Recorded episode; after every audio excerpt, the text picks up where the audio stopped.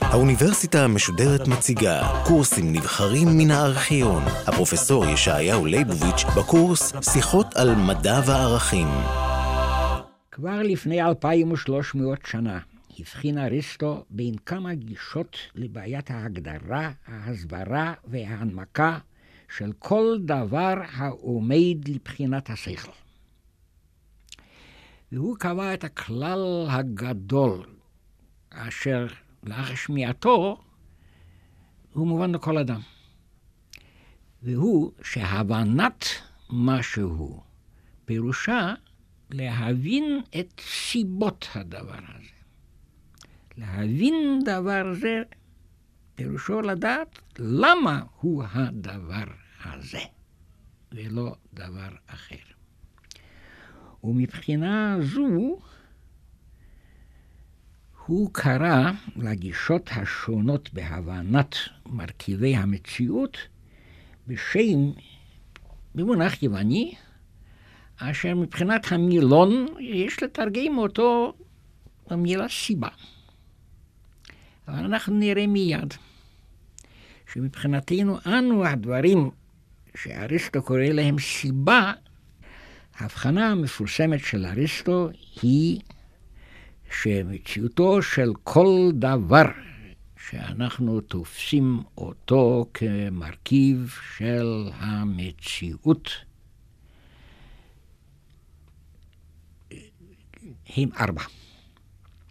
ארבע סיבות אשר מחייבות את מציאותו של דבר מסוים, ואשר היעדרם או היעדר אחד מהם מונע את אפשרות של המציאות הזאת. והוא קרא להם בשמות אשר תרגומם הוא הסיבה החומרית, הסיבה הפועלת, הסיבה הצורנית והסיבה התכליתית. מונחים אלה כמובן טעונים הסבר, וננסה לתת אותו. לכאורה, ארבעת המושגים האלה מתייחסים למרכיבי המציאות שהם מוצרי האדם. וכאן לכאורה הדברים ברורים מאוד מאוד. אני מסתכל בשולחן שלפניי, ואני מציג את השאלה הבטלנית, מדוע השולחן הזה קיים? מה גרם לכך שהוא קיים? ואני מוצא שתנאי לקיומו הוא קודם כל שמצוי היה החומר שממנו עשוי. כן, החומר הזה הוא עץ. אלמלא היה קיים החומר עץ, ובזה אין הכוונה לאילן הצומח, אלא לחומר עץ. יש לנו קושי בעברית, שאותו מונח מתייחס לשני הדברים האלה, אבל האנגלים מבחינים יפה מאוד בין טרי ובין ווד. ובכן, אילו לא היה בעולם החומר עץ, השולחן הזה, שהוא שולחן עץ, לא יכול היה להיות קיים. אבל עצם מציאותו של החומר עץ איננה סיבה מספקת למציאותו של השולחן הזה. כולנו יודעים שהעץ הזה עבר עיבוד מסוים, עיבוד בעין, אשר עשה אותו לשולחן. והמעבד היה הנגר. או בית חרושת לרהיטים. באומרי הנגר, אני כמובן כולל בזה את כלי העבודה של הנגר ואת הפונקציות של הכלים האלה, או את הפונקציות של המכונות בבית החרושת. לכן הנגר וכלי עבודתו הם הסיבה הפועלת לקיומו של השולחן הזה. אבל עדיין אין זה מספיק, אומר אריסטו. נניח שקיים העץ, קיים הנגר עם כל יכולתו, וזה עוד לא מתחייב שיהיה השולחן. שהרי קודם כל הנגר בכלל לא חייב לפעול. הנה העץ לפניו, כלי עבודה בידו, והוא גם למד את אומנות הנגרות, ואיננו עושה כלום. ולכן, בכדי שהשולחן הזה יהיה קיים, מן ההכרח שהנגר נתכוון למשהו. בזה אנחנו מגיעים למושג הסיבה התכליתית. הנגר הזה רצה לעשות שולחן. אלמלא זה, עובדת מציאותו, מציאותה של הסיבה החומרית והסיבה הפועלת לא הייתה מספיקה. אבל זה עדיין לא מספיק. בכדי שהנגר יעשה את השולחן, כוונה קיימת. החומר קיים. כושר הכישורים לעבודה קיימים. כן, הסיבה החומרית, הסיבה התכליתית, הסיבה הפועלת, אבל מן ההכרח שהיה לו כבר מושג השולחן, כן, שהוא ראה לנגד עיניו את השולחן הזה. אחרת, איך היה יכול לעבד את החומר בצורה כזאת שיצא השולחן?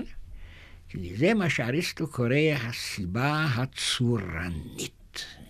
צורת השולחן היא אחת מסיבות היות הדבר הזה שולחן. כי כל הדברים האלה נראים כמשכנעים וכמעט כמובנים מעצמם בשעה שאנחנו עוסקים במוצרי האדם. נעבור מן השולחן הזה לדבר מסובך ומורכב כמו הבית הזה. גם כאן כמובן אנחנו מיד מבחינים את הסיבה החומרית, זה האבנים והמלט וכולו וכולו, שמבלעדם הבית הזה לא יכול היה להיות. הסיבה הפועלת, נו, זה ברור לנו, כן? זה פועלי הבניין והמכונות והמכשירים. סיבה תכליתית, ברור. למה אנחנו בונים בית? לשם דיור. אלמלא זה, לא היינו עושים את הדבר הזה, גם ביכולתנו לעשות אותו. שלישי, רביעית, כמובן, התכנון של הבית הזה. למה הבית הזה הוא בית כזה בין כך וכך קומות אה, וכולו וכולו? משום שצורת הבית הזה הייתה קיימת בצורתו של הרדיקל, והוא הרכיב אותה על פני החומר הזה. כן, עד כאן הדברים מובנים. אבל אריסטו מרחיק לכת, הוא אומר שזה חל גם על המציאות הטבעית. גם על המציאות הטבעית. זהו דבר שאיננו נראה לנו בעליל, נובע מתוך גישה פילוסופית מסוימת. גישה דבר בטבע. לכאורה אפשר להבין יפה מאוד, כן, שקיומו מותנה כמובן בחומרו, זה ברור, כן. הוא מותנה גם בסיבה פועלת. מכאן אנחנו מגיעים, כן, לעניין, לאותו דבר שהיום אנחנו היינו קוראים לו חוקי הטבע. חוקי הטבע מחייבים שהחומר הזה יקבל צורה כזאת וכזאת.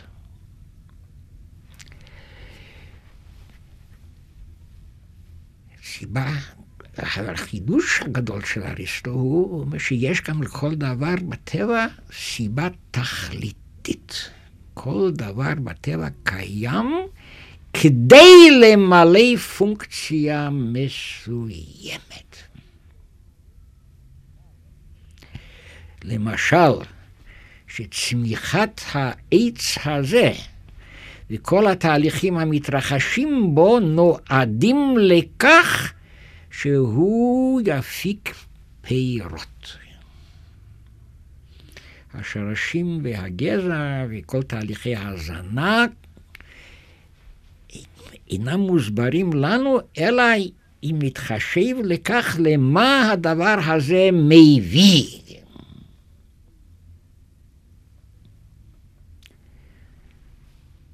וכאן ההבדל.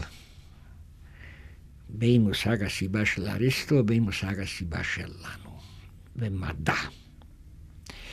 ברור שאנחנו לא נגדיר את החומר הדרוש בכדי שמשהו יהיה קיים כסיבת קיומו, אלא נראה בו את אחד מתנאי קיומו. אנחנו לא נקבל את המושג הפילוסופי העמוק מאוד של הסיבה הצורנית כסיבת מציאותו של הדבר הזה, משום שלפי הבנתנו הסיבה הצורנית הזאת קיימת רק בתודעתו של האדם המבין את הדבר הזה, ואיננו בדבר הזה עצמו. מה שאנחנו מכירים יפה מאוד, ואליו דווקא אנחנו מתייחסים באומרנו סיבה במדעי הטבע. זוהי הסיבה הפועלת. הדבר שעשה את הדבר הזה. לשון אחר, הדבר אשר ממנו, ממציאותו, מתחייב הדבר השני, ונהפוך את הדבר הזה. אותו דבר, שדבר אחר מסוים הוא התנאי לקיומו. ואנחנו מסלקים מתחום דיוננו את הסיבה התכליתית. משום שהסיבה התכליתית, לפי הבנתנו, היא דבר שתודעתנו מייחסת לדבר הזה. בוודאי אם אנחנו עוקבים אחרי צמיחת גבעול חיטה מגרגיר זרע של חיטה, אז בשבילנו כל התהליך הזה הוא משמעותי, משום שהוא מביא לצמיחת גבעול הנושא גרגירי חיטה שמהם אנחנו עושים קמח ו... וניזונים ממנו. אבל גבעול עצמו איננו יודע על זה שום דבר. והעובדה הזאת שצמיחתו מביאה לתכלית מסוימת מבחינת הבנתנו אנו, איננה יכולה להיות גורם למה שמתרחש בו בעצמו, שהוא איננו מודע לשום תכלית. ולכן המדע המודרני מעמיד את מושג הסיבה על מה שאריסטו כינה הסיבה הפועלת. ובזה נוצר הניתוק בין המדע ובין תורת הערכים. שהרי כל אדם מבין, ואין הדבר הזה דורש שום העמקה פילוסופית, שמושג התכלית קשור במושג הערך והמשמעות שאנחנו מייחסים לדברים. אבל כל זמן שאנחנו רואים את הדברים לאור הסיבה התכליתית, נמנעת ההבנה האובייקטיבית, באותו מובן שהגדרנו את מושג האובייקטיביות. שהרי שני בני אדם יכולים לראות את אותם הדברים, להכיר את אותו החומר שהדבר הזה עשוי בו, להכיר את הסיבה הפועלת, ויחד עם זה לייחס משמעות שונה לדבר הזה. זאת אומרת, לתפוס אותו מבחינת אם שוב נשתמש במונחים של אריסטו, מבחינת סיבות תכליתיות שונות. מה שאין כן לגבי הסיבה הפועלת. כל מהותה של המתודה המדעית היא לחקור כל דבר מבחינת הסיבה הפועלת.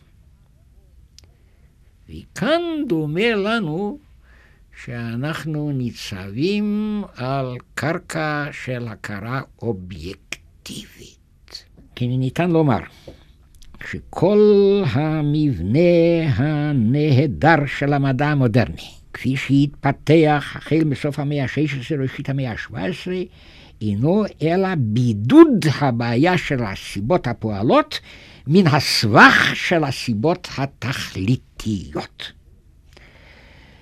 אין המדע אלא ניסיון להסתכל במציאות באספקלריה של הסיבה הפועלת בלבד. אין למדע הזה כל הנחות אונתולוגיות מטאפיזיות. כאן אמרתי דבר שהוא נכון לכאורה, כן, אבל ייתכן שאיננו נכון בעומקו של הדבר הזה. שהיום בפילוסופיה של המדע, שלא נוכל לעסוק בה כאן, נשאלת השאלה הגדולה, האם באמת מדע הטבע עוסק לכאורה רק בסיבות הפועלות, מסוגל להשתחרר מהנחות אונתולוגיות מטאפיזיות. אבל על כל פנים, המדע המודרני, הקלאסי, מן המאה ה-17 ועד לדורנו, מגמתו היא להשתחרר מהנחות אונתולוגיות מטאפיזיות. אין הוא בכלל מתיימר לקבוע שאין במציאות אלא סיבות פועלות בלבד, ושאין הסיבות התכליות אלא יצירי התודעה או הדמיון האנושיים, אלא הוא טוען שאין עיסוקו אלא בבעיות הפועלות בלבד. איש מדע מתפלסף רשאי לדבוק בכל מטאפיזיקה נראית לו, אך בפעולתו המחקרית-מדעית הוא שותף להסכמה מתודית עם כל המדענים האחרים שלא להשתמש אלא בקטגוריות שהסיבה הפועלת בלבד. זאת אומרת, להוציא את בעיית הערכים מתחום העיסוק המדעי. והודות לצמצום המתודי הזה, הגיע המדע לאובייקטיביות שלו. אובייקטיביות זו על מסקנותיה והישגיה הכפויים על כל אדם המבין אותה. אני חוזר על המילים האלה. האובייקטיביות הזאת הכפויה על כל אדם המבין אותה אינה אפשרית אלא במידה שהמדע מסתייג מן השימוש בקטגוריות של הסיבה התכליתית. זאת אומרת, מכל ערכים ומכל הערכות שהם סובייקטיביים בהכרח ונובעות מדעות מוקדמות, מאמונות ומגמות, משאיפות ומאוויים ויצרים, מהרגל ומחינוך, ולפיכך כל אדם הוא בן חורים לקבלם או לדחותם. וייתכן אפילו לומר, מחויב להתקבלם או לדחותם בעקבות תנאי חייו, מה שלמד, מה שהכיר ומה שנתנסה בהם. והביוגרפיה של כל אדם שונה מהביוגרפיה של כל אדם אחר. זאת אומרת שכמעט, לא רק כמעט, אלא ממש לא תיתכן כלל הסכמה כלל אנושית על ערכים. לעומת הסכמה מדעית שכפויה על כל המבינים את המדע. על ידי ההסתייגות הזאת מן הערכים, פוסקות המסקנות ופוסקים ההישגים של המדע מלהיות מה שיוונים קראו דוקסאי, זאת אומרת סברות. גם כאן המילה סברה, המילה העברית סברה, אולי איננה מביעה בדיוק מה שאומר המונח היווני, שבלועזית, זאת אומרת באנגלית, קרוב לו המונח אופיניון. כן, סברות, במובן הדוקסה היוונית או אופיניון האנגלית,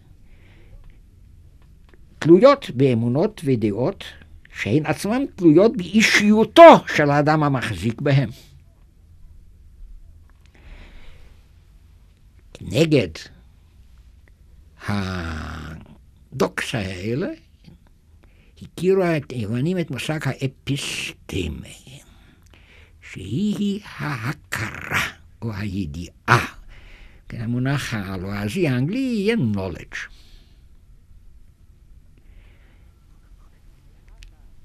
אבל מאחר שהיוונים כללו במושג ההכרה המדעית שלהם את מושג הסיבה התכליתית, לכן הידע שלהם לא יכול היה להיות פנוי מדוקסאי, מאמונות והשקפות מסוימות, הקשורות בראיית התכלית שבמציאות. ומזה המדע המודרני משוחרר, ועל כל פנים משתדל להשתחרר. כי בזה אנחנו הגענו לאותה הבחנה גדולה וחשובה מאוד בין האובייקטיביות של המדע במובננו אנו, והסובייקטיביות הנראית כבלתי נמנעת של הערכים. זאת אומרת, של הדעות שיש לבני אדם. ואנחנו מבחינים בין דעה ובין ידיעה. הדעות שיש לבני אדם בתחום המוסר, בתחום המציאות החברתית והפוליטית ובתחום האמונה. ואלה הם שלושת התחומים הגדולים של הערכים. ועכשיו מחובתנו להתייחס למושג הגדול ערך, כדרך שהתייחסנו למושג מדע, ולנסות להבין למה הוא מכוון. המונח הזה הוא אחד מן הרווחים ביותר. בפרט בספרות העוסקת אה, בחינוך, בתרבות. והרי אנחנו רגילים, למשל, היום לשמוע הרבה מאוד, דווקא בחברה שלנו, את הקינה על אובדן ערכים, וכנגד זה את התביעה לחנך לערכים. וכדאי שנבדוק פעם את עצמנו למה אנחנו מתכוונים בזה. ברור שכל המשתמש במליצות האלה, כן, תחנך לערכים, או מקונן על אובדן ערכים, לא מתכוון לזה לאיזה ידע מסוים. לא לומר להקנות לבני אדם אה, ידע במדע, ואיננו מקונן על אובדן הידע הזה, איש לא מקונן על הדבר הזה. דווקא הידע לא הלך לאיבוד, כן, המדע מתקדם היום ניתן לומר לא רק מדור לדור, לא רק משנה לשנה, אלא כמעט מיום ליום. ובכן, למה אנחנו מכוונים במושג הערכים? הבלבול הרב במושג ערכים נובע מתוך זה שלפעמים מערבבים את מושג הערך במושג של סיפוק של צורך. עד כדי כך שיש רבים שאפילו מזהים את הדבר הזה. כל דבר שמספק צורך אנושי הוא ערך. אילו זה היה נכון, הרי היה מונח ערך מיותר. ועלינו להשקיע מאמץ עיוני רב, אפילו במסגרת של דיוננו אנו, להבחין בין שני הדברים האלה, בין סיפוק צרכים ובין סיפוק ערכים. לשון אחר, אנחנו נציג עכשיו אנטיתזה של צרכים וערכים. המילה צריך היא בוודאי אחת מהמילים הרווחות ביותר בדיבור. אבל משתמשים בה בשתי משמעויות שונות. ואי ההבחנה בין שתי המשמעויות האלה היא סיבת טעויות מחרידות. כן נציג את המושג צריך בצורתו המדויקת. צורתו המדויקת הוא למעשה מתייחס רק לטבע. אבן הנמצאת בשדה גרביטציה צריכה ליפול. מה פירוש הדבר הזה? אני יכול לתרגם את הפסוק הזה מבלי לשנות את משמעותו כלל וכלל, מבלי להשתמש במילה צריך. אבן הנמצאת בשדה גרביטציה נופלת. יוצא בזה, מים מחוממים למאה מעלות צריכים לרתוח. בזה אני מתכוון להגיד שמים מחוממים למאה מעלות רותחים. אבל אדם הנמצא באיזושהי סיטואציה בחיים, באיזושהי סיטואציה בחיים, לעולם איננו צריך לעשות דבר מסוים. אילו המונח צריך היה משמש משמעותו המדויקת, היה הפסוק, אדם הנמצא בסיטואציה כזאת צריך לעשות דבר זה, זהה עם הפסוק, אדם הנמצא בסיטואציה הזאת עושה את הדבר הזה. ואנחנו יודעים שאין הדבר כן. אם כן, כאן אנחנו מתכוונים במונח צריך למשהו אחר לגמרי. למה אנחנו מתכוונים? אנחנו מתכוונים לעשות שאנחנו דורשים מן האדם שבסיטואציה זו הוא ינהג ככה. והנה, נגיד את זה לסיום שיחתנו היום בצורה פשטנית מבהילה. אם אנחנו אומרים כי מעולם הערכים והמוסר, אדם צריך להיות אדם הגון ולא מנוול. הרי אין אנחנו מתכוונים לצורך כלל וכלל, שהרי כל אדם יכול להיות מנוול. אלא אנחנו מתכוונים לדרישה שאנחנו מציגים לאדם. ובזה הגענו להבחנה בין מושג הצורך ומושג הערך.